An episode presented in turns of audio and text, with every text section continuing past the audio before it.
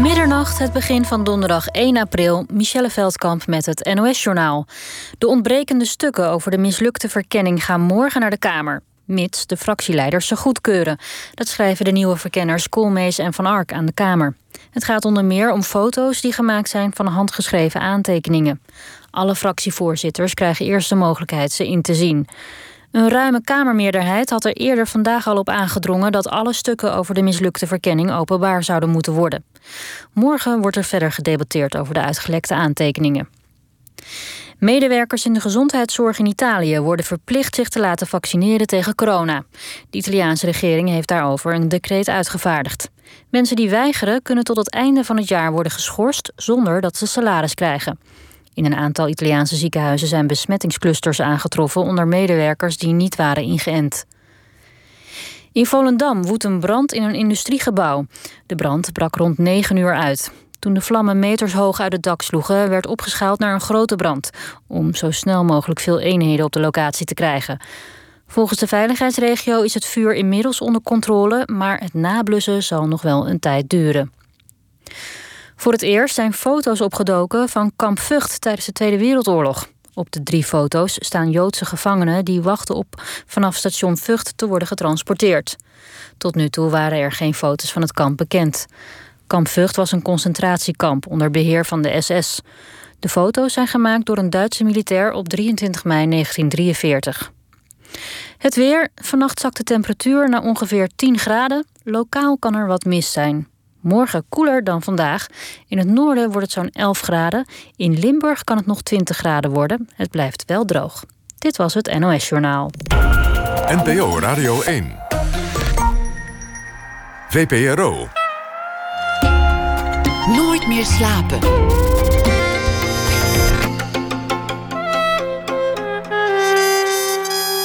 Met Pieter van der Wielen. Goedenacht en welkom bij Nooit meer slapen. Mijn gast komend uur is een van Nederlands bekendste wetenschappers. Martijn Katan, emeritus hoogleraar voedingsleer aan de Vrije Universiteit. Toch gaan we komend uur niet praten over de effecten van koffie op het welzijn of de gevaren van cholesterol. Het boek dat Catan dit keer heeft geschreven is het resultaat van een persoonlijker zoektocht. Veel van zijn familieleden, waaronder zijn ouders, maakten tijdens de Tweede Wereldoorlog deel uit van wat is gaan heten het Joods verzet. De hardnekkigste en meest kwalijke mythe over dat Joods verzet is dat het er nauwelijks geweest zou zijn. Dat de Joden, zoals dan vaak gezegd wordt, zich als makke schapen zouden hebben laten wegvoeren. Want nu, dat is pertinent onwaar. En het boek dat Catan schreef heet dan ook Geen makke schapen. Een persoonlijke geschiedenis van het Joods verzet. Martijn Catan die stamt uit het jaar 1946. Welkom. 1946, dus, dus zeer kort na de oorlog. Negen maanden. Wat, wat was Dat in- zei, mijn, dat zei mijn moeder altijd. Het heeft heel lang geduurd voordat het kwartje viel bij mij. Dus Negen een- maanden na de oorlog ben ik geboren. een bevrijdingskind Ja, eigenlijk? ja. Een, kind om het te vieren. Wat, wat was de omstandigheid wa- waarin, waarin ze jou verwekt hebben?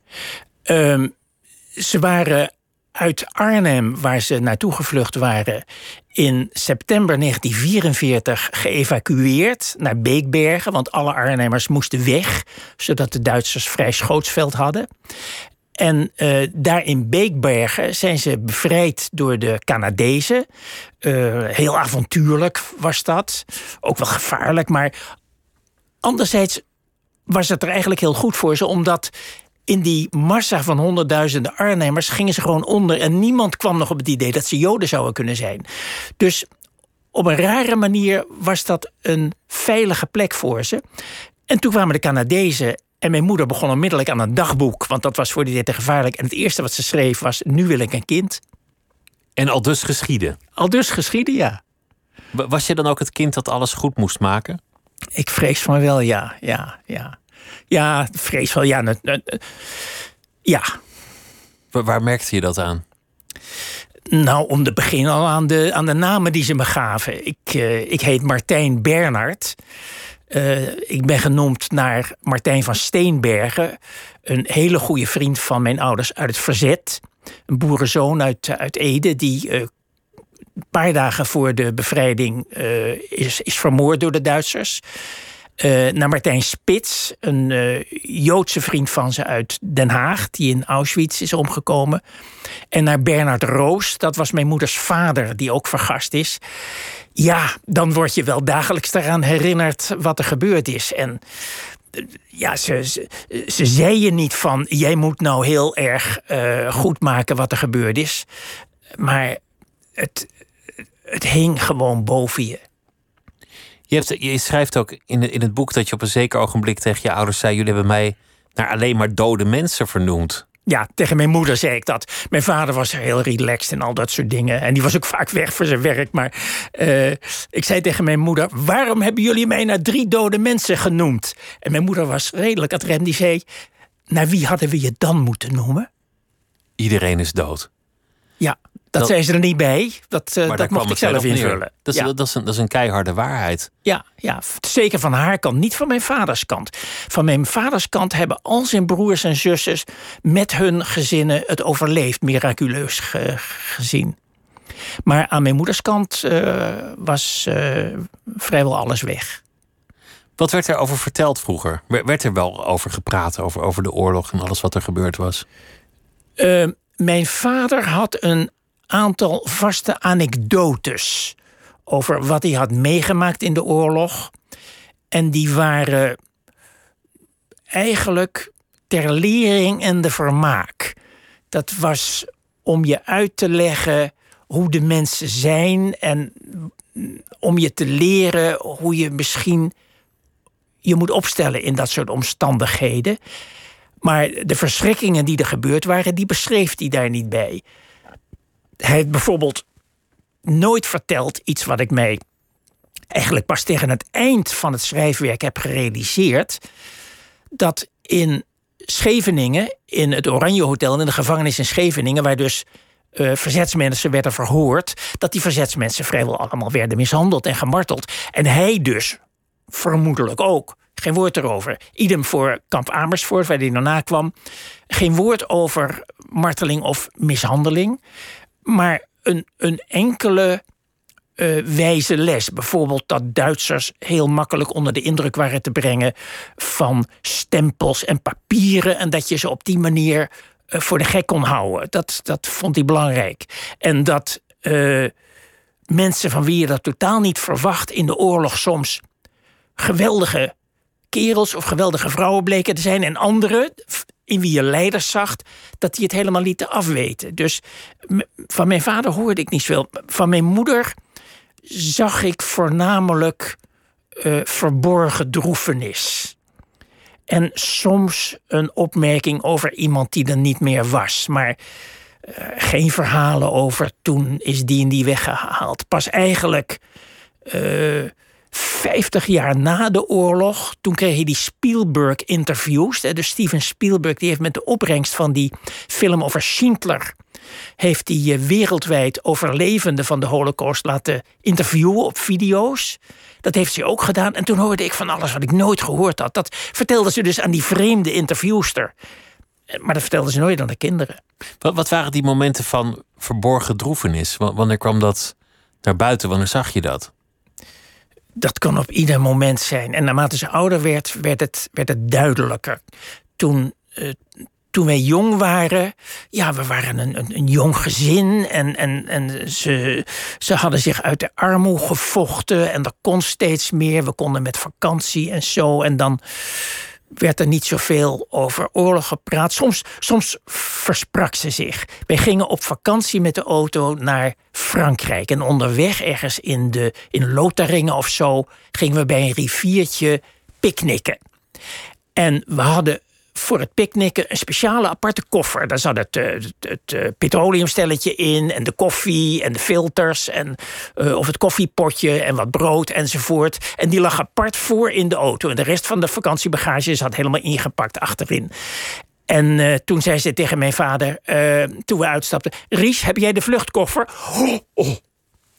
En ik heb nooit geweten of het echt een verspreking was... of dat ze het met opzet deed.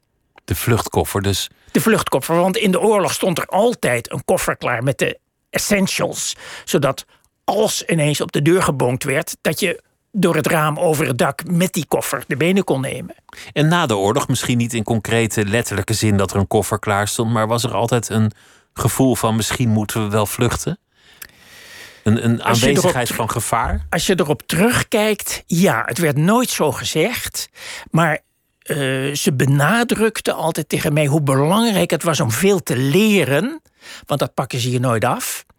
En toen ik voor een studiekeuze stond, hebben ze, hebben ze me toch met zachte hand in de richting van de exacte wetenschapper gestuurd. Niet, geen, geen rechten of, of zo.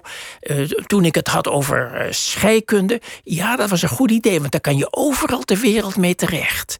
Dus als het hier misgaat, kan je altijd nog naar een ander land. Precies, daar kan je overal ter wereld mee terecht. En ook het idee dat je moest sparen, dat was heel fanatiek. Je moest sparen, je moest spaargeld hebben. Als wij, uh, als wij maar ons best deden met sparen, als we vier gulden bij elkaar hadden gespaard, kregen we van mijn ouders een gulden erbij. Dan hadden we er vijf en die brachten we dan naar de spaarbank. En dat, daar voelde je aan, dat was een van de grote, essentiële dingen in het leven: spaargeld hebben.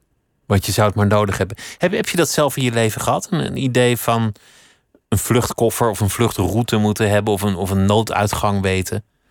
Ja, dan moet ik mezelf gaan zitten analyseren. En hoe was ik geworden zonder zulke ouders? Is moeilijk te zeggen, maar het is wel mijn aard, ja. En ik zie het ook wel bij sommige Joodse generatiegenoten. Dat je toch iets hebt van. Um, ja, ik moet wel voorbereid zijn op plotselinge rampen ik moet wel, uh, laten we zeggen, uh, wat contanten achter de hand hebben. En ik moet wel de weg kennen.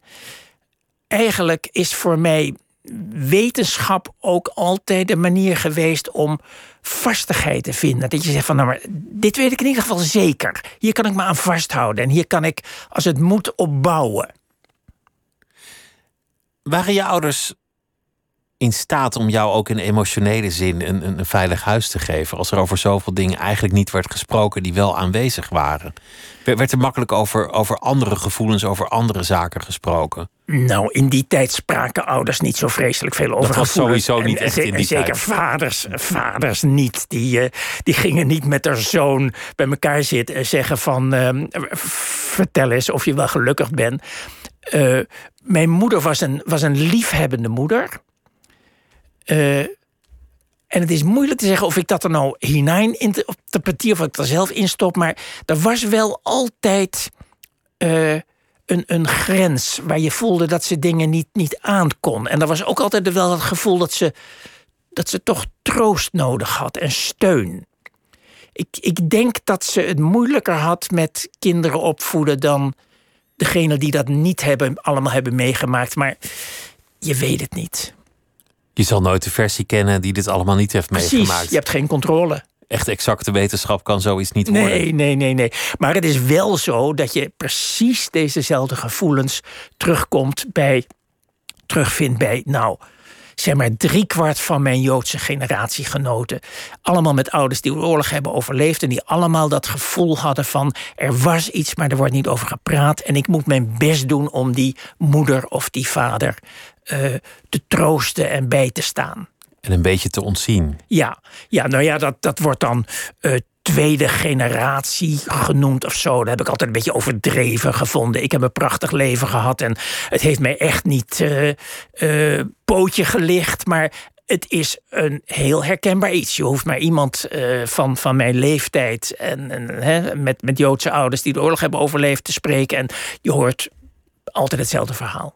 Toen, toen dat begon, dat mensen gingen spreken over tweede generatie problematiek, voelden veel van die tweede generatie zich bezwaard om erover te beginnen omdat ze het idee hadden dat ze niemand moesten overladen met hun problemen. Ik heb niks dat, meegemaakt. Dat kwam er nee. toch allemaal maar bij. Ik heb, ik heb toch niks meegemaakt. Dat, dat, ga dat ik nou zeuren? Terwijl ik van de vrede ben, ga ik dan nu zeuren terwijl ik van na de oorlog ben, et cetera. Ja, tuurlijk. Mijn ouders die hebben het meegemaakt, maar ik heb toch niks meegemaakt. We gaan er niet over zaniken. En de derde generatie opnieuw. Die, ja. die heeft dat ook weer meegemaakt. Ja, ja dat, dat bestaat, dat weet ik, ja. Wanneer was je er klaar voor of, of aan toe om je er echt in te verdiepen in die verhalen? Want dat, dat heeft eigenlijk lang geduurd. Ik was lid van een Zionistische Joodse jeugdorganisatie als kind. Uh, waarin het vanzelfsprekend was dat als je van de middelbare school afkwam, dan ging je naar Israël emigreren. Heb ik geprobeerd. Ik ben naar het land geweest, heb het bekeken. En voelde me er echt helemaal niet zo thuis. Ik had een beetje een marginale Joodse achtergrond. En toen dacht ik, nou ja, dan heb ik gefaald als Jood. Dan moet ik maar ermee stoppen. Hè? Dan, dan, dan hou ik daarmee op. Godsdienstig deed ik er sowieso niet mee. Dus ik heb toen ik 18 was, heb ik als het ware mijn lidmaatschap uh, opgezegd. Tussen aanhalingstekens. Ik was gewoon nergens lid van. Maar toen heb ik iets gehad van, nou, dan moet ik maar stoppen met Jood zijn. Nou, uh, na 30 jaar concludeerde ik dat. Uh, dat daarvoor gold wat de Eagles zingen in Hotel California. you can check out anytime you like, but you can never leave. Dus je kunt wel proberen je ervan los te maken, maar je zit gewoon aan een hele lange lijn. En op een gegeven moment bereik je het eind van die lijn. En ik heb dus eigenlijk pas 30 jaar later onder ogen gezien dat ik het gewoon was. Ondanks dat gebrek aan, aan, aan Joodse religiositeit. En dat ik daar gewoon mee moest leren leven. En daar hoorde dat verleden vanzelfsprekend bij. Ja, stiekem was ik daar altijd al heel in geïnteresseerd. Wat er nou echt gebeurd was in de oorlog. Maar daarna ben ik dat langzamerhand wat gaan verzamelen. Die gegevens steeds meer. Toen mijn uh, moeder overleed, kreeg ik dus ook alle papieren die ze hadden bewaard van de oorlog. Dat waren er een hele hoop. En uh, op een gegeven moment toen bleek dat de kinderen van mijn zus en mijn eigen kinderen daarin geïnteresseerd waren. Ik dacht van, daar ik altijd over die oorlog en die ouders. Er zijn al honderd boeken van mijn ouders in de Holocaust. Maar toen bleek dat ze het verhaal van mijn, mijn vader fascinerend vonden. En ze hadden er eigenlijk gelijk in, want dat is ook zo. Mijn vader heeft een heel bijzondere en eh, fascinerende geschiedenis. En toen zei ze, ja, dat willen we weten, dat moet jij opschrijven. Nou, toen ben ik aan die biografie begonnen uh, van, uh, van, van mijn ouders. Puur alleen voor die kinderen. En toen, een paar jaar geleden, toen kwam de Joodse Vereniging voor Genealogie met het idee om een boek te maken met hoofdstukken over Joodse verzetslieden. En die riepen hun leden op. En toen zei ik, nou ja, ik heb dat over mijn vader al bijna klaar liggen, dat kun je wel krijgen. En misschien kan ik er nog wel één of twee vinden. Ik heb wel eens gehoord dat een oom of tante ook iets in het verzet heeft gedaan. En, uh, ja, en toen uh, ben ik gaan zoeken en toen werd het er steeds meer. Op een gegeven moment toen waren er elf familieleden... van wie heel duidelijk aantoonbaar was dat ze verzet hadden. Echt hard, hardcore verzet hadden gepleegd. Nou, ik wist dat mijn uitgever eigenlijk vreselijk graag... zo'n boek voor mij zou willen uitgeven. Die heeft dat ja aangemoedigd. Dus ik heb hem gemaild en gezegd... Uh, misschien heb ik toch wel een boek voor je. En die zei, nou, we gaan morgen in het Vondelpark zitten... met maskers op en er even over praten. En binnen de kortste keer was het uh, gepiept. Het is, een, het is een enorme prestatie die je, die je hebt geleverd, omdat het gewoon moeilijk is om geschiedenissen die niet al vaak zijn beschreven te vinden. En, en verzetsgeschiedenissen zijn bij uitstek vaak verborgen geschiedenissen, want je, je schreeuwt niet van de daken dat je in het verzet zit. Althans, dan ben je er niet zo goed in als je dat doet. En veel van de mensen hebben het niet overleefd, dus die hebben ook nooit een getuigenis kunnen afleggen. Dus, dus je moet met relatief weinig bronnen dit verhaal optuigen. Ja, ja, en, en Joodse verzetsmensen die verborgen helemaal al pijloos diep wat ze eigenlijk waren. Maar dit is wel mijn vak en ook mijn passie om uit te vinden wat er echt gebeurd is en op te graven van wat voor flintertjes papier kan ik vinden. Is er ergens dat is, nog toch gewoon als, als wetenschap, ook al gaat het over een heel ander onderwerp dan voeding. Maar het is, al, het is toch altijd hetzelfde. Je gaat zoeken van uh, welke getuigen vertrouw ik. En dat geldt in de voeding ook. Dan, het eerste wat je vraagt als er een nieuwe studie is, dat je zegt van wie zijn die lui? Ken ik die? Oh, is er iemand anders die ze kent? Wat hebben ze verder nog gepubliceerd? Ga ik ook eens checken. Heb ik het gevoel dat het klopt of niet? Zijn er onafhankelijke gegevens over? En dat, dat gold hier net zo. Zoals bijvoorbeeld die uh, Spielberg-video... waarin mijn moeder 50 jaar na de oorlog vertelt... wat ze allemaal heeft meegemaakt in de oorlog.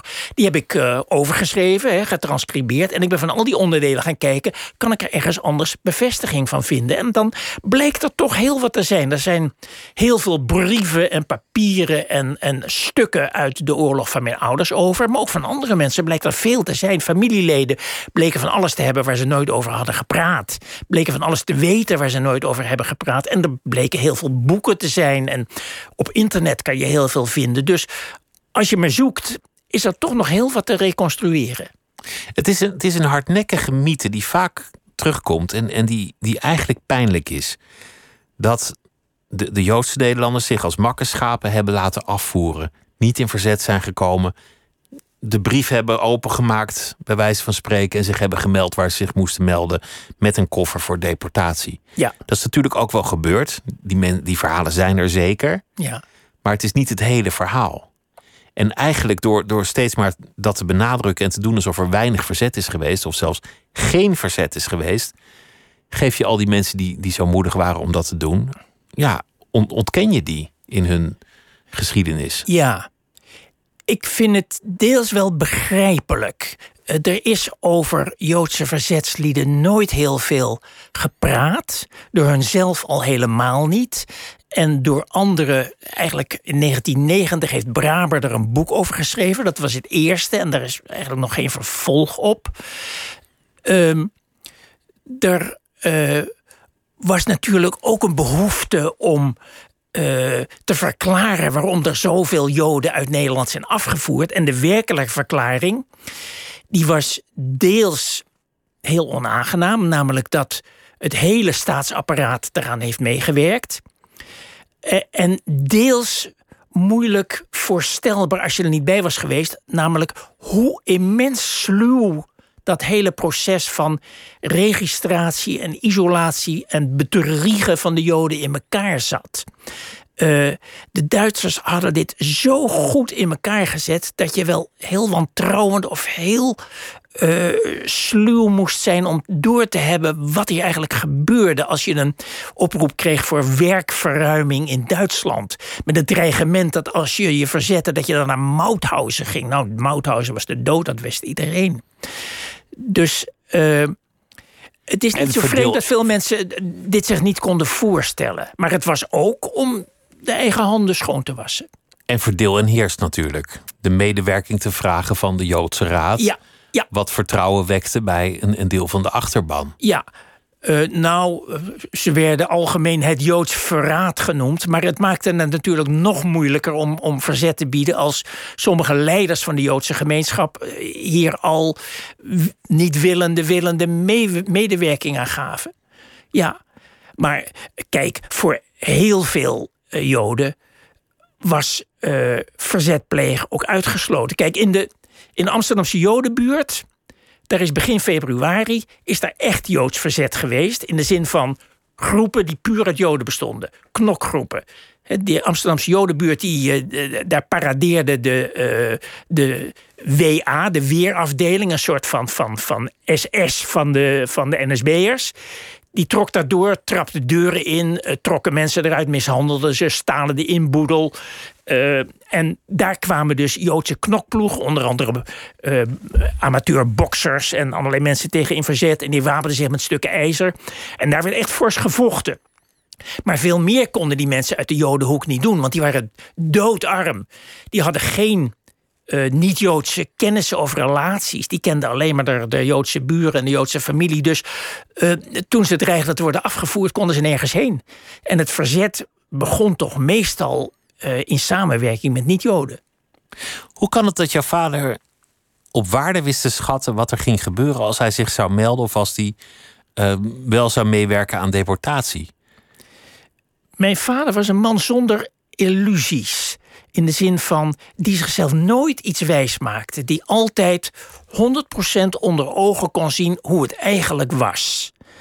En uh, dat hebben niet zoveel mensen. Ik heb dat bijvoorbeeld niet. Ik heb de neiging om wel eens dingen te ontkennen of te ontduiken. Hij totaal niet. Het was zoals het was. En daar had hij verder ook, ook weinig emotie bij. Hij was, ja. was in die zin nuchter in zijn kijk. Hij accepteerde wat hij rationeel kon bedenken. Ja, ja. Hij, uh, hij bekeek dat.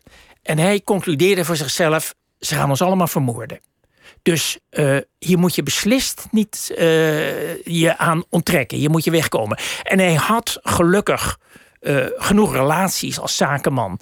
Zijn zakenvriend Henk Wientjes uit Dordrecht... die heeft voor hem twee persoonsbewijzen gestolen van niet-Joden.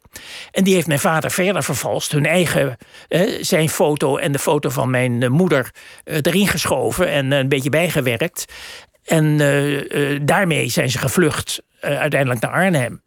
En eh, de verzetsgroepen waar hij in zat, die bestonden grotendeels uit niet-Joden, die geen flauw idee hadden dat deze zogenaamde Henk de Boef en zijn vrouw Grietje de Boef, dat dat eh, Joden waren uit Rotterdam. Zij, zij werden echt, Henk en Gietje, ook naar elkaar toe. Noemden, noemden elkaar ook altijd, als er zelfs geen anderen bij waren, Henk en Gietje. Om maar niet door de man te vallen. Nou, mijn moeder wou geen Grietje heten. Die vond dat zo'n uh, truttige naam. Die zei, ik wil Gerry heten. Maar altijd, ook als er niemand in huis was, noemden ze elkaar Henk en Gerry. Want het was gewoon te riskant dat je je zou verspreken. En, en jaren na de oorlog zijn nog vrienden van ze uit, uit het verzet. die ze brieven schreven van Henk en Gerry. Of die schreven: Oh ja, sorry, ik heb me vergist. Of ze zo aanspraken. Ja, want het, zo was dat. Ze waren Henk en Gerry de Boef. Een gestolen persoonsbewijs van iemand die dus ook in het echt nog bestaat. Eigenlijk uh, identiteitsdiefstal zou je tegenwoordig noemen. Ja, absoluut. Dat was identiteitsdiefstal uh, compleet, ja. Maar, maar die Henk was, was piepjong. Ja. Uh, mijn vader kreeg dus die twee persoonsbewijzen. Mijn moeder en hij, die waren allebei 25 zo'n beetje. En het persoonsbewijs van die Grietje, uh, Grietje Barendrecht... dat was van een vrouw van, ik geloof, van 22. Dus dat was niet zo'n probleem. Maar het persoonsbewijs van de man was geen persoonsbewijs van een man... maar van een jongen van 15.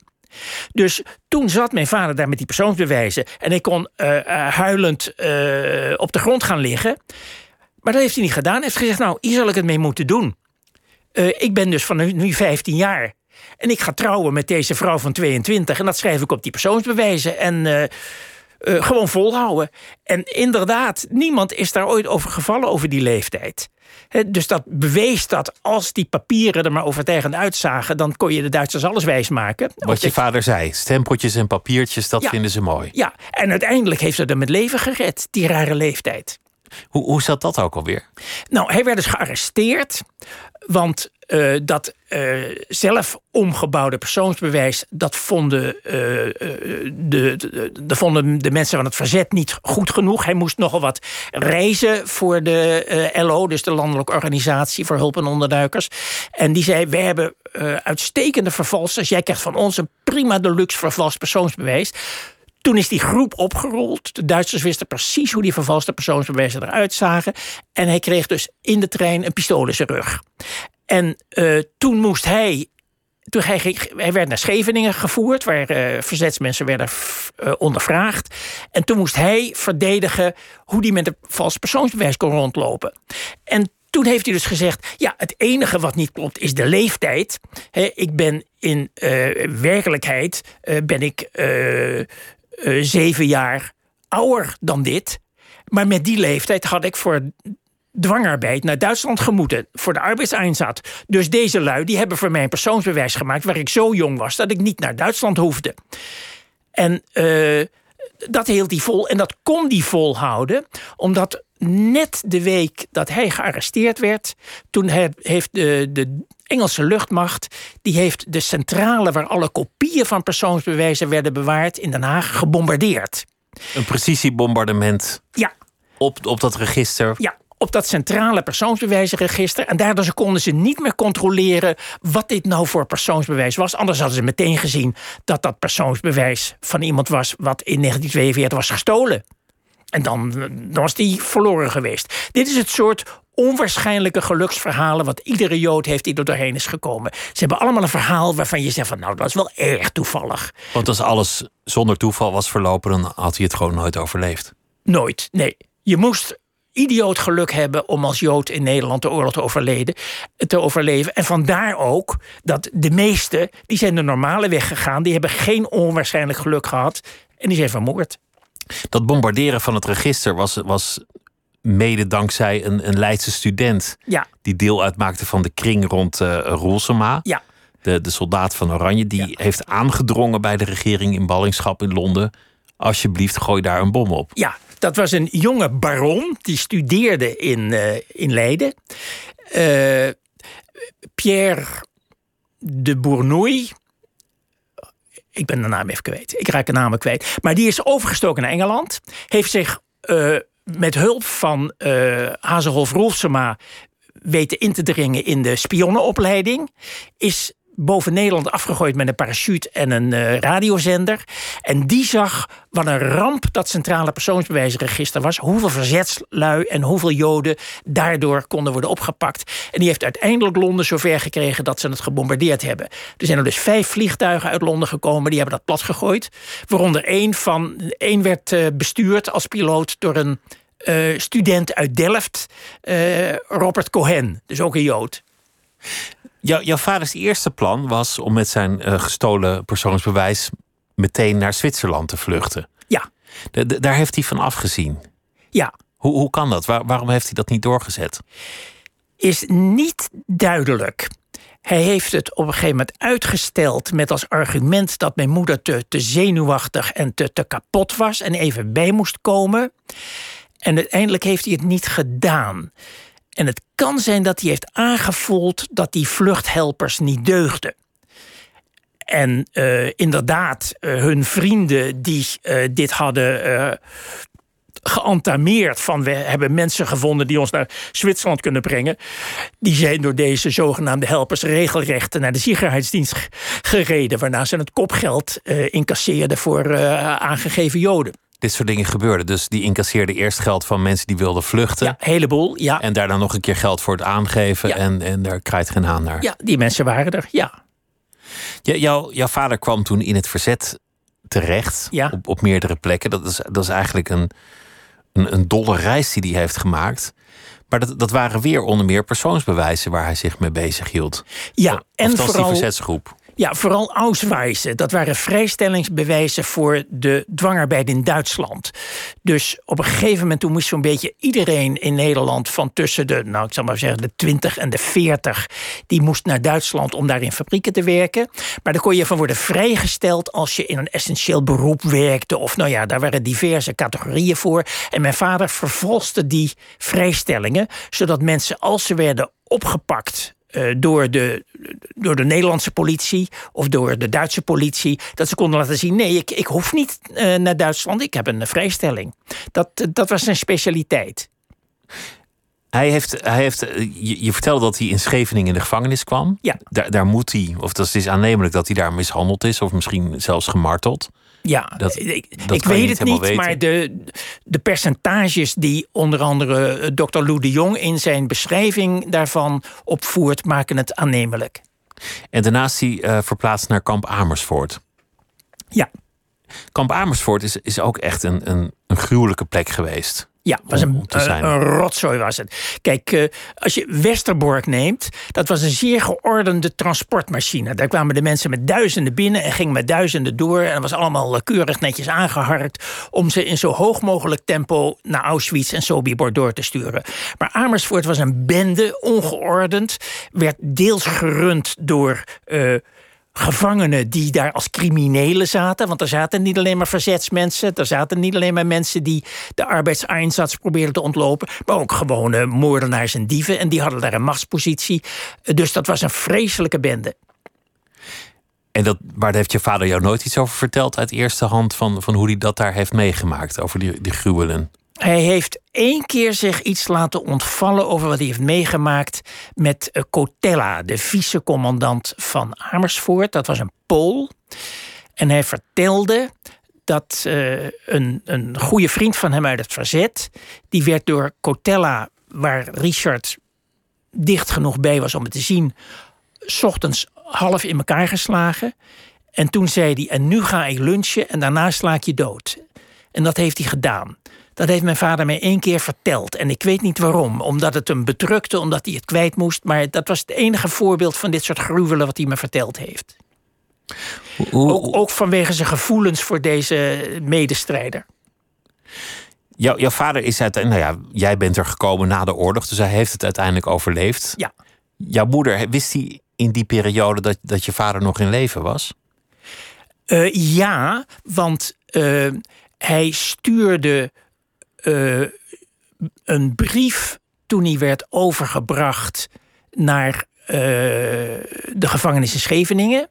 En hij heeft er ook nog een brief weten te sturen toen hij van Scheveningen naar Amersfoort werd overgebracht. Die eerste brief werd door een goede politieagent op de bus gegooid. En die tweede, die heeft hij, ik denk, in de trein van Scheveningen naar Amersfoort op de grond laten vallen of zoiets. Hopend dat iemand hem zou oprapen en, en posten. Ja, maar dat was in die tijd niet ongewoon. En mijn tante Didi, die werd uh, van kamp Westerbork uh, getransporteerd toen de uh, Canadezen eraan kwamen naar. Nou ja, ze wist niet waar naartoe. En die gooide een aanzichtkaart met een foto van zichzelf en een tekst uit die vrachtauto voor haar verloofde met een adres erop. En dat werd keurig door een meneer uit Hattem op de post gedaan. Dus er waren genoeg goede vaderlanders die dat wel, wel wilden en durfden. Ja, jouw tante Didi, die zat ook in het eh, verzet. Je hebt ook nog een, een oom Louis, die ook in het uh, verzet zat. Louis, ja. Louis. Ja. Uh, die Didi, die, dat, die is moeder geweest omdat ze langdurig is mishandeld, in elkaar geslagen. Ja. Omdat uh, de Duitsers informatie uit haar wilden slaan. En ze is niet doorgeslagen. Ze nee. heeft het nooit verteld. Nee, nee. Zij was de koerierster van het hoofd en het subhoofd van het verzet in de, in de Zuid-Veluwe. En uh, dat wisten de Duitsers, dat hadden ze al uit andere mensen geslagen. Didi, ja, nee, Didi, ja, ja, Didi. En toen kwam ze bij die boerderij die door de Ziegerheidsdienst stiekem bezet was. Dus uh, zodra ze er aankwam, grepen ze er vast en trokken dat door het raam naar binnen. En toen ze hoorden hoe ze heette, dan zei je: Ah, jij weet waar Barend en eh, die andere uh, hoofd van het verzet zijn. Wat zijn hun adressen? En uh, het verhaal was dat ze er mishandeld hebben, dat ze niks gezegd heeft. En dat er grote zorgen over waren bij het verzet. En dat heb ik uitgebreid uitgezocht. Want uh, ik, ik wou dat niet zonder meer accepteren, die heldhaftigheid. Maar alles wat ik erover gezien heb, en er is, er is veel materiaal over, wijst erop dat ze inderdaad tenminste de kritieke twee of drie dagen en misschien nog wel langer heeft gezwegen. Dus het lijkt toch te kloppen. En er zijn ook getuigenissen dat ze daarna is gezien met een aan gort geslagen hoofd. Ja, ze werd dus naar de, de, de SS en SD in Apeldoorn gebracht. En er is iemand die later een, een, boek heeft geschreven... die daar ook heeft gezeten. En die zagen hoe er een jong meisje met een heel donker uiterlijk... met uh, een schotwond in haar benen... want ze hadden er toen ze probeerden te vluchten in haar benen geschoten... en met dichtgeslagen ogen daar naar het verhoor werd gesleept. Veel verhalen zijn opgeschreven, maar het is natuurlijk allemaal heel verdeeld. Je hebt, je hebt lokale geschiedenissen, dorpsgeschiedenissen, familiegeschiedenissen, bepaalde verzetsgroepen die, uh, die later beschreven zijn door historici, door amateurhistorici. Ja. De, de, de, hoeveelheid boeken over de Tweede Wereldoorlog is reusachtig, ja. maar enorm versnipperd. Ja. Om, om dit soort verhalen zo precies uit te zoeken, dat, dat, dat moet echt detectivewerk zijn geweest. Ja, ja, maar dat, dat, dat, dat vind ik prachtig. Dus uh, ik had op een gegeven moment een stuk of vier, vijf boeken over de geschiedenis van Ede in de Tweede Wereldoorlog. En dan ga je al die dingen naast elkaar leggen. En dan zeg je van wat is er nou gebeurd? Hij kan dat en dat en dat weten, want hij heeft in 1946 al die mensen geïnterviewd. Hij heeft zorgvuldig de gemeentearchieven uitgeplozen met hulp van de gemeente en heeft dat en dat. En op een gegeven moment leg je het over elkaar en dan zeg je nou, ik denk dat ik nu weet wat er gebeurd is. En dat, ja, dat vind ik heerlijk. Kostte wel vreselijk veel tijd. Het was altijd maar weer van uh, uh, nee, nu niet. Als het boek af is. Als het boek af is. Ik was je hebt alles verwaarloosd in je ja, leven eigenlijk. Heb, ik heb mijn uh, mijn partner en mijn vrienden en familie wel verwaarloosd. Ja, ja. Maar soms moet dat even. Als je het als je twintig jaar geleden had gedaan, had je, had je nog meer mensen kunnen interviewen. Ja, als, ja, en als ik veertig jaar geleden met mijn vader in gesprek was gegaan en had gezegd: van wij praten hier nooit over, maar nou wil ik alles weten en ik heb hier een potlood, had ik nog meer gewoon weten. As is verbrande turf. Dit is wat ik nu kon dat zou je nooit meer weten hoe dat, hoe dat zou zijn geweest en wat het had opgeleverd. Even heel, heel veel waarschijnlijk, maar ja, het, het was zoals het was. Uh, hij praatte niet, net als al die Joodse ouders niet praten. En ik durfde er niet over te beginnen en het is niet anders. Je oom Louis, die heb je ook nog meegemaakt. Ja, oom Louis, zeker, ja. ja. Wat, wat was dat voor man? Ja, uh, Wij vonden hem een beetje een, een, een clown, een grappenmaker. Hij had van die, van die flauwe practical jokes. Uh, ja, hij had dan wel die, die, die plasticfabriek opgezet. En mijn moeder vond dat hij heel knap was met uh, machines en zo. Maar dat was nou niet iemand voor wie je ontzag had. ik had uh, respect voor mijn vader. Mijn vader was duidelijk een hele competente man. Maar voor Louis niet zo. Dus toen ik begreep dat hij iets had gedaan met piloten of zo. En toen ben ik gaan speuren. En intussen bleek er heel veel te zijn. En toen ik erachter kwam wat hij gedaan had, toen dacht ik: had ik hem maar kunnen vertellen wat een bewondering heb, ik heb voor wat hij gedaan heeft. Want dat heb ik hem nooit kunnen vertellen. Dat, dat wist je ook niet. Nee, dat, dat, dat, wist je niet. En daar werd nooit over gepraat. En voor mijn, mijn, mijn oom Mol nog veel sterker. Daar, daar had echt niemand die je kende ooit één woord over gezegd. Tot ik met zijn weduwe uitgebreid in gesprek ging. En dan langzamerhand de, de gegevens uit begonnen te druppelen. En toen bleek dat zij een hele nauwkeurige, serieuze getuige was. En toen kwam alles eruit. En toen bleek dat hij dingen had gedaan van ik dacht van... Wat? Oh, mol? Wat, wat voor dingen waren dat? Nou, hij... Uh, hij bleek dus militair te zijn geweest. Hij was uh, eigenlijk boekhouder bij zijn afdeling in het leger. Maar heeft ook op het vliegveld Ipenburg in de meidagen van 40 tegen de Duitsers gevochten. Uh, in 1943 toen zouden alle dienstplichtige militairen worden opgepakt en naar Duitsland worden gestuurd. Daar heeft mijn familielid Hans Katan ook het nodige mee te maken gehad dat dat gebeurd is. Toen was hij onderduiken. Toen heeft een uh, kameraad van hem uit het leger hem een adres in Brabant bezorgd. En zo kwam die bij Frits Diepe in uh, Bergen op Zoom, die hoofd was van het hele verzet in West-Brabant. En die zei: Ik heb jou nodig als boekhouder. En jij moet hier de administratie gaan doen van 200 onderduikers. En iedere maand zorgen dat de enveloppen klaar liggen. Met bonnen en met geld en met valse papieren. En we hebben hier ook uh, illegale kranten. En nou ja, dat was dus wat hij deed. Stiekem in de garage van die. in de, in de, in de, in de kelder van die Ford-garage. En bovendien die Ford-garage waar al dit verzet vanuit stiekem gedaan werd, die was ook geclaimd door het Duitse leger om hun voertuigen te repareren. En dan kwam dus regelmatig zo'n Duitse officier binnenstormen. Die schreeuwde: God Himmel, Donnerwetter, waarom is mijn wagen niet fertig? En die, eh, die wou dus uh, uh, verantwoording waarom zijn auto nog niet klaar was. En dan wel in hoog Duits. En geen van die garagejongens die sprak dat, maar Mol had een opvoeding gekregen waarin hij goed Duits kende. En hij was ook het soort man die. Ja, hij had een zekere uh, ja, chicheid. Hij, had een, hij was een reizige man. En ik kan me voorstellen hoe hij die Duitse officier, terwijl die man, terwijl die kerel naar zijn pistool al haast greep, kon uitleggen. Uh, ja, ik heb geïnformeerd. Hij is bijna klaar met moeilijk onderdeel, maar zeker alle aandacht.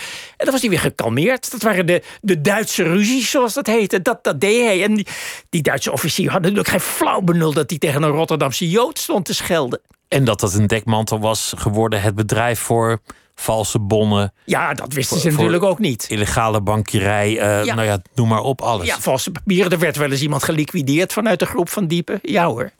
Een uh, landverrader of iemand, een, een jodenjager. Als je het hebt over het belang van het verzet, daar wordt ook nog wel eens uh, bagatelliserend over gedaan. Dat het, dat het allemaal niet zoveel heeft uitgehaald. En dat het verzet uiteindelijk ook weinig uh, serieus werd genomen door de geallieerden.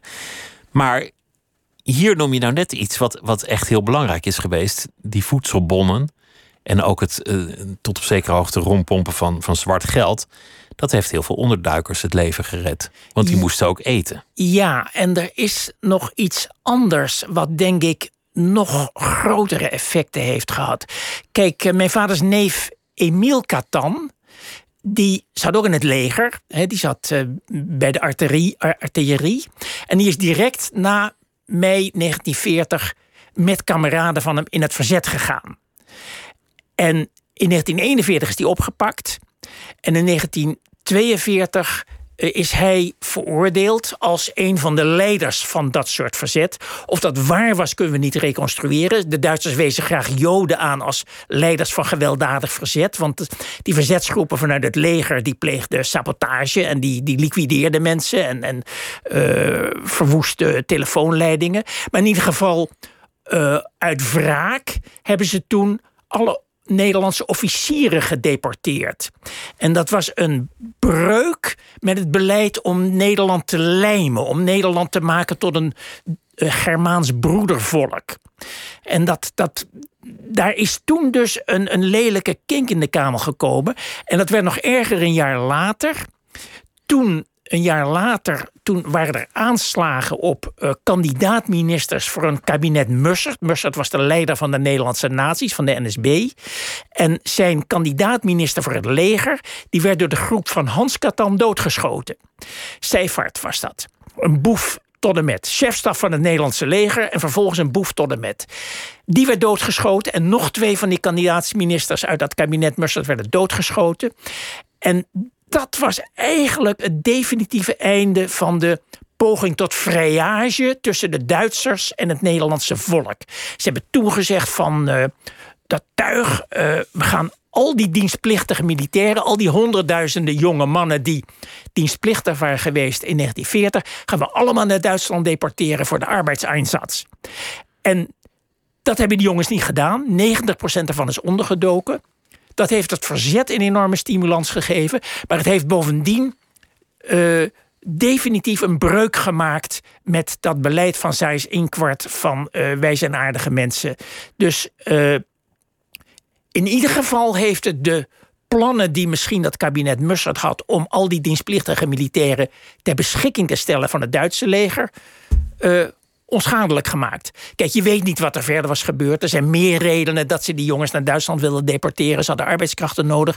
Maar ik denk dat uh, dit gewelddadige verzet, waar dus in 41 Emile Catan bij betrokken was en in 43 Hans Catan, altijd samen met een hoop anderen, dat dat toch uh, voor de Duitsers de nazificatie van Nederland zeer heeft geschaad.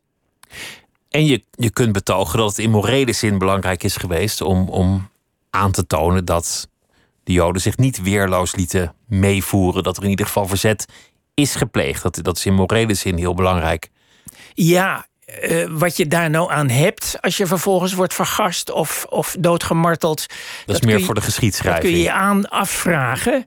Uh, er zullen er zeker bij zijn geweest die hebben gedacht van ooit zal iemand, hè, misschien verre familie, noteren dat wij ons niet hebben laten afslachten. Maar ja, dan wordt het toch wel een beetje, beetje vaag. Ja, ik, ik heb er grote bewondering voor. Maar ik neem het niemand kwalijk die het niet gedaan heeft.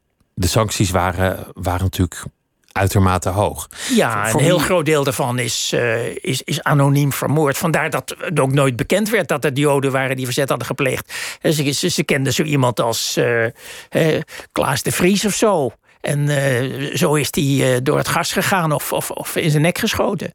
En niemand wist wie het was, want de rest van de familie was ook weg. We, we begonnen mee met, met jouw eigen jeugd en, en, en het opgroeien ja, in de schaduw van die oorlog. Het kind dat het goed moest maken. En zo kwamen we terecht bij, bij dit, dit onderzoek dat je hebt gedaan. Er zijn nog veel meer familieleden, ook, ook verder gelegen familieleden. Ja. Als ik zo in jouw familie kijk, dan zijn, dan zijn het wel heel veel mensen die in het verzet hebben gezeten. Maar dan, dan weten we natuurlijk nog steeds niks over hoeveel mensen dat uiteindelijk nou waren relatief. Ja, en dat is iets wat mij steekt, dat er nog steeds geen onderzoek naar gedaan is. Want dat kan nog steeds. Hè. Er zijn nog steeds veel mensen van mijn generatie die toch namen weten en, uh, en jaartallen. En uh, ik vind dat er met spoed vanuit het NIOD een onderzoek moet komen. En daar moet dan ook gewoon uh, geld voor een onderzoeker voor komen. Maar dat gaat echt niet over miljoenen. Om dit nu te redden, die gegevens, zolang het nog kan. Want Um, wacht even, ik ben even je oorspronkelijke vraag kwijt. Nou ja, ik, ik ben zo benieuwd hoe, hoeveel mensen zouden er nou, hoe groot zou dat verzet ja, ja, ja. nou zijn geweest? Nou, ik heb een poging gedaan om dat te schatten, maar die is heel defect. Vandaar mijn oproep om het nou eens echt goed uit te zoeken. Binnen uh, de generatie van mijn vader, dus hij en broers en zwagers en neven enzovoort, daarvan uh, zat zo'n 25% in het verzet. Dat lijkt heel veel. Maar als ik nou kijk naar hoeveel namen er naar boven komen zodra je er een beetje aan gaat trekken, dan uh, is waarschijnlijk de oorspronkelijke schatting van de eerste cijfers veel te laag geweest. Kijk, Ben Braber heeft in 1990 eh, als pionier dit gedaan. Die kwam met allereerste lijsten en namen. Die kwam op duizend Joodse verzetslieden. Nou, dat was al veel, want dat was al 0,7% van alle Joden. Terwijl het totale verzet in Nederland was volgens de Jong iets van 0,3 procent. Nou ja, allebei grove schattingen. Maar die duizend, alles wijst er mensen zo op dat het minstens het dubbele of misschien wel het drievoudige is geweest. En uh, bijvoorbeeld die actie van de Nederlandse Vereniging voor Joodse Genealogie. Daar komen zo, als je dus dat beperkte groepje van leden van die vereniging ondervraagt, een paar honderd Joden, dan komen er zo weer uh, 30 of 40 of 50 nieuwe namen boven. Nou, als je dan wat gaat extrapoleren, hoeveel zouden er dan in totaal zijn geweest? Ja, dan kom ik toch op iets van uh, anderhalf of meer. Dus zeg maar vijf keer zoveel relatief bij de Joden als bij de niet-Joden. En dan je het over echt serieus verzet. Ja, uh, kijk, er zijn natuurlijk heel veel vormen van verzet. Mensen luisterden naar de Engelse radio en, en mensen gingen onderduiken wat gevaarlijk was. Uh, mensen gaven mensen, andere mensen bescherming. Uh, maar ik bedoel het harde, illegale verzet in georganiseerd verband. Dat je lid was van een georganiseerde groep die de Duitsers probeerde schade te brokkenen. Dan moet je eigenlijk ook wel jong zijn. Dat is niet iets wat je nog op je, op je zeventigste gaat doen, lijkt me. Het grootste deel was tussen de 20 en de 40. Uh, eh, Mozes Roos, dus een familielid van mijn moeder, die was boven de 40, maar die was een uitzondering. De meesten waren jong, de meesten kwamen uit de middenstand. Waren dus niet die doodarme Joden uit de Amsterdamse Jodenhoek. Trouwens, in de rest van het land was het grootste deel ook uh, doodarm en uh, kende verder niemand. Dus het was die beperkte groep waar ze uitkwamen. En dat was ook de groep waar mijn familieleden uitkwamen. Vandaar dat daar zo'n hoog percentage was middenstand, handelaars. Handelaars, onderwijzers, uh, ja, uh, juristen, nou, dat, dat, uh, dat soort dingen. Nee, kijk, veel Joodse handelaars waren straatarm. Die kochten s ochtends een kist met sinaasappels... en probeerden daar genoeg mee te verdienen... om s'avonds de kinderen eten te geven. Dus handel is een vaag begrip. En dat is een slechte basis voor, voor verzet plegen... Of, of zelfs maar ontkomen of on, onderduiken, wat ook heel duur was. Ja, of nou duur, maar je moest in de eerste plaats moest je iemand weten. En hoe, hoe wist je nou iemand in Friesland of wat dan ook... bij wie je kon, kon onderduiken als je je hele leven had doorgebracht... in de Amsterdamse Jodenhoek... en uitsluitend uh, je arme Joodse buren en, en ooms en tantes kende. Je kende niemand, je wist niet waar je naartoe moest. Je had ook geen geld voor een treinkaartje om te beginnen... en dus al helemaal geen geld voor kostgeld of voor valse papieren. Maar uh, om te beginnen moest je iemand weten. Hoe, heeft het jouw kijk erop veranderd eigenlijk? Om al die geschiedenissen uit te hebben gezocht en op te hebben geschreven. Hoe, is jouw, jouw, jouw kijk op het verleden veranderd? Ten aanzien van hoe het was voor je dit, dit project aanging? Nou, het, het heeft mij wel een beetje bemoedigd. Als ik kijk naar, naar, naar mensen zoals die, zoals die Mozes Roos, die drogist. Een, een mannetje van, ik geloof van 1,57 meter of zo, die je zo om kon gooien. En naar de mensen die ik al, al genoemd heb. En naar mijn, mijn oom Marcel, die architect was. Een keurige man, wel een serieuze man. Maar toch niet iemand van wie ik verwacht dat hij met een. Eh, met in de ene hand zijn fietsstuur en in de andere hand zijn pistool uh, naar een dropping uh, wegrijdt. Dan, dan denk ik, al die mensen, daar zat dus veel meer in dan je van de buitenkant ziet.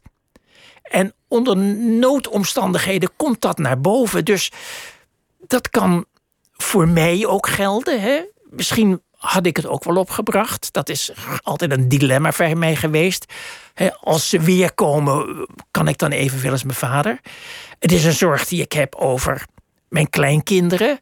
En dan niet over holocaust of, of Duitsers of zo, maar over andere ernstige problemen die er kunnen ontstaan deze eeuw. Dan denk ik, mensen zijn toch veel taaier en inventiever en, en harder als het echt moet dan je, dan je zou denken. En dat, ja, dat, daar, daar, daar, dat is wel iets om een beetje aan vast te houden. Dat is eigenlijk een heel bemoedigende conclusie. Ja, ja. nou dat, dat is het ook. Dat is het ook. Je kunt, uh, je kunt wel gaan zitten zitten somberen van... oh jee, straks dan eh, wordt het steeds heter... en dan mislukken de oogsten en dan de, de golfstroom draait om... en dan komen er een miljard Afrikanen en twee miljard Aziaten... Europa binnenstormen om ons laatste eten op te eisen.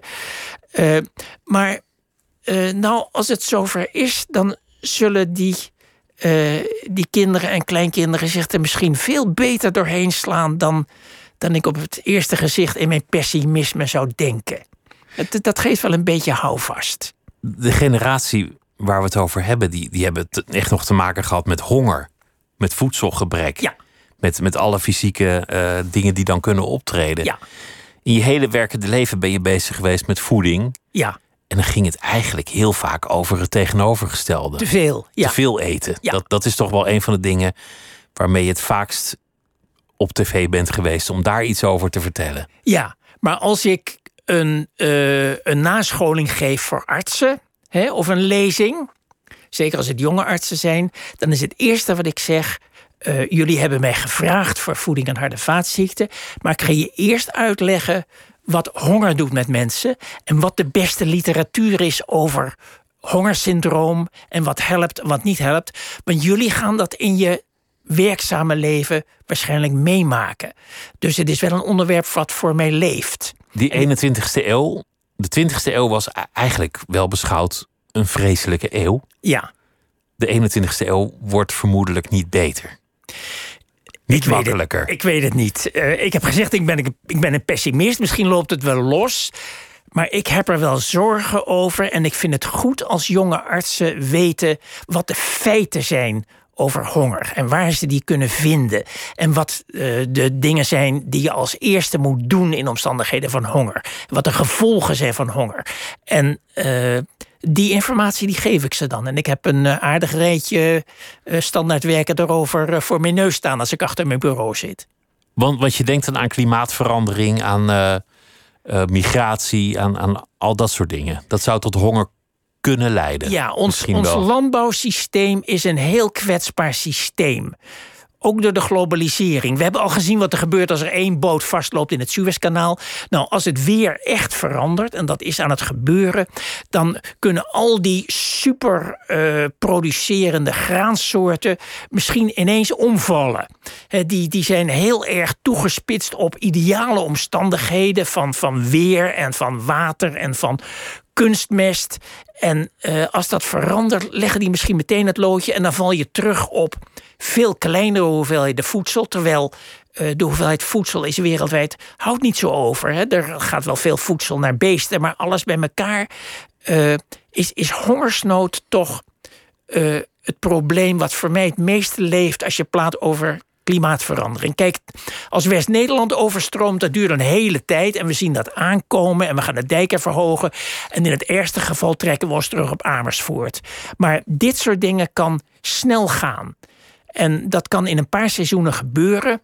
En dan, uh, ja, dan raakt de hele wereld met elkaar in oorlog over wat er nog aan eten is. Nou, het, het is wel. Ik, ik vind het wel goed wat je zegt over, over dat bootje. Nou ja, het was een enorme boot. Het was niet een, een bootje. Ja. Maar, maar je ziet er wel aan hoe weinig er voor nodig is om, om het systeem totaal te ontwrichten. Ja. En een systeem dat zo makkelijk ontwricht raakt, dat is misschien niet meer zo'n stevig systeem. Dat is misschien een soort voorbode van, van een kentering. Nee, en, en deze boot, daar zat niks essentieel op. Niet, niet, dat we weten. Nee, nee nou, er, zit überhaupt in al die vrachtwagens en al die schepen zit er heel weinig essentieels. Maar voedsel, met name dus uh, tarwe en rijst en dat soort dingen, die zijn onmisbaar. Daarzonder ga je uiteindelijk dood. En uh, als daar dus een, een schip scheef slaat, langzamerhand, dan, uh, dan is de ellende niet te overzien dan kunnen de problemen terugkeren waar jouw ouders nog mee te maken hebben. Komt er een vervolg op? Ga je nog verder met dit historische onderzoek? Of, of denk je nou, ik moet, ben eigenlijk aan mijn vrouw en mijn familie verschuldigd om even geen onderzoek te doen ja, op dit nou. moment? hoe, hoe, gaat dat? In zo'n geval zeg ik altijd ja. Dat betekent het een kan waar zijn en het ander kan ook waar het kan zijn. allebei waar zijn. Ja, ja de, de verleiding is soms wel heel groot om weer ergens in te duiken. Eventjes niet. Eventjes niet. Hebben, hebben je kleinkinderen dit, dit al gelezen? Nee, mijn kleinkinderen die, die, die hou ik hier een beetje van weg. Hoewel uh, mijn oudste kleinzoon die had het boekje van zijn vader al gauw te pakken. Uh, de kinderen die krijgen het langzamerhand wel. En die, uh, ja, die lezen het. En ik heb toch nog geen intieme gesprekken met ze over gevoerd. Misschien moet ik me daar eens toe zetten. Het zijn, het zijn hele bijzondere en, en spannende verhalen. Martijn Katan, dank dat je langs wilde komen. En het was een uh, genoegen om naar je te luisteren dit uur. En ik uh, wens je heel veel succes met uh, alles dat, dat nog gaat gebeuren. Nou, dank voor de gelegenheid om er zo goed over te praten. En de titel van het boek noem ik ook nog even Geen makke schapen. Een persoonlijke geschiedenis van Joods verzet. En dit was Nooit meer slapen voor deze nacht. En morgen dan is gevangenisdirecteur Frans Daal te gast. Goeienacht.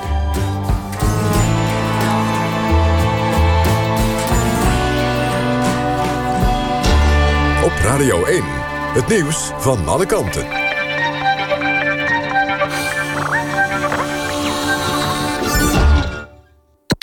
NPO Radio 1.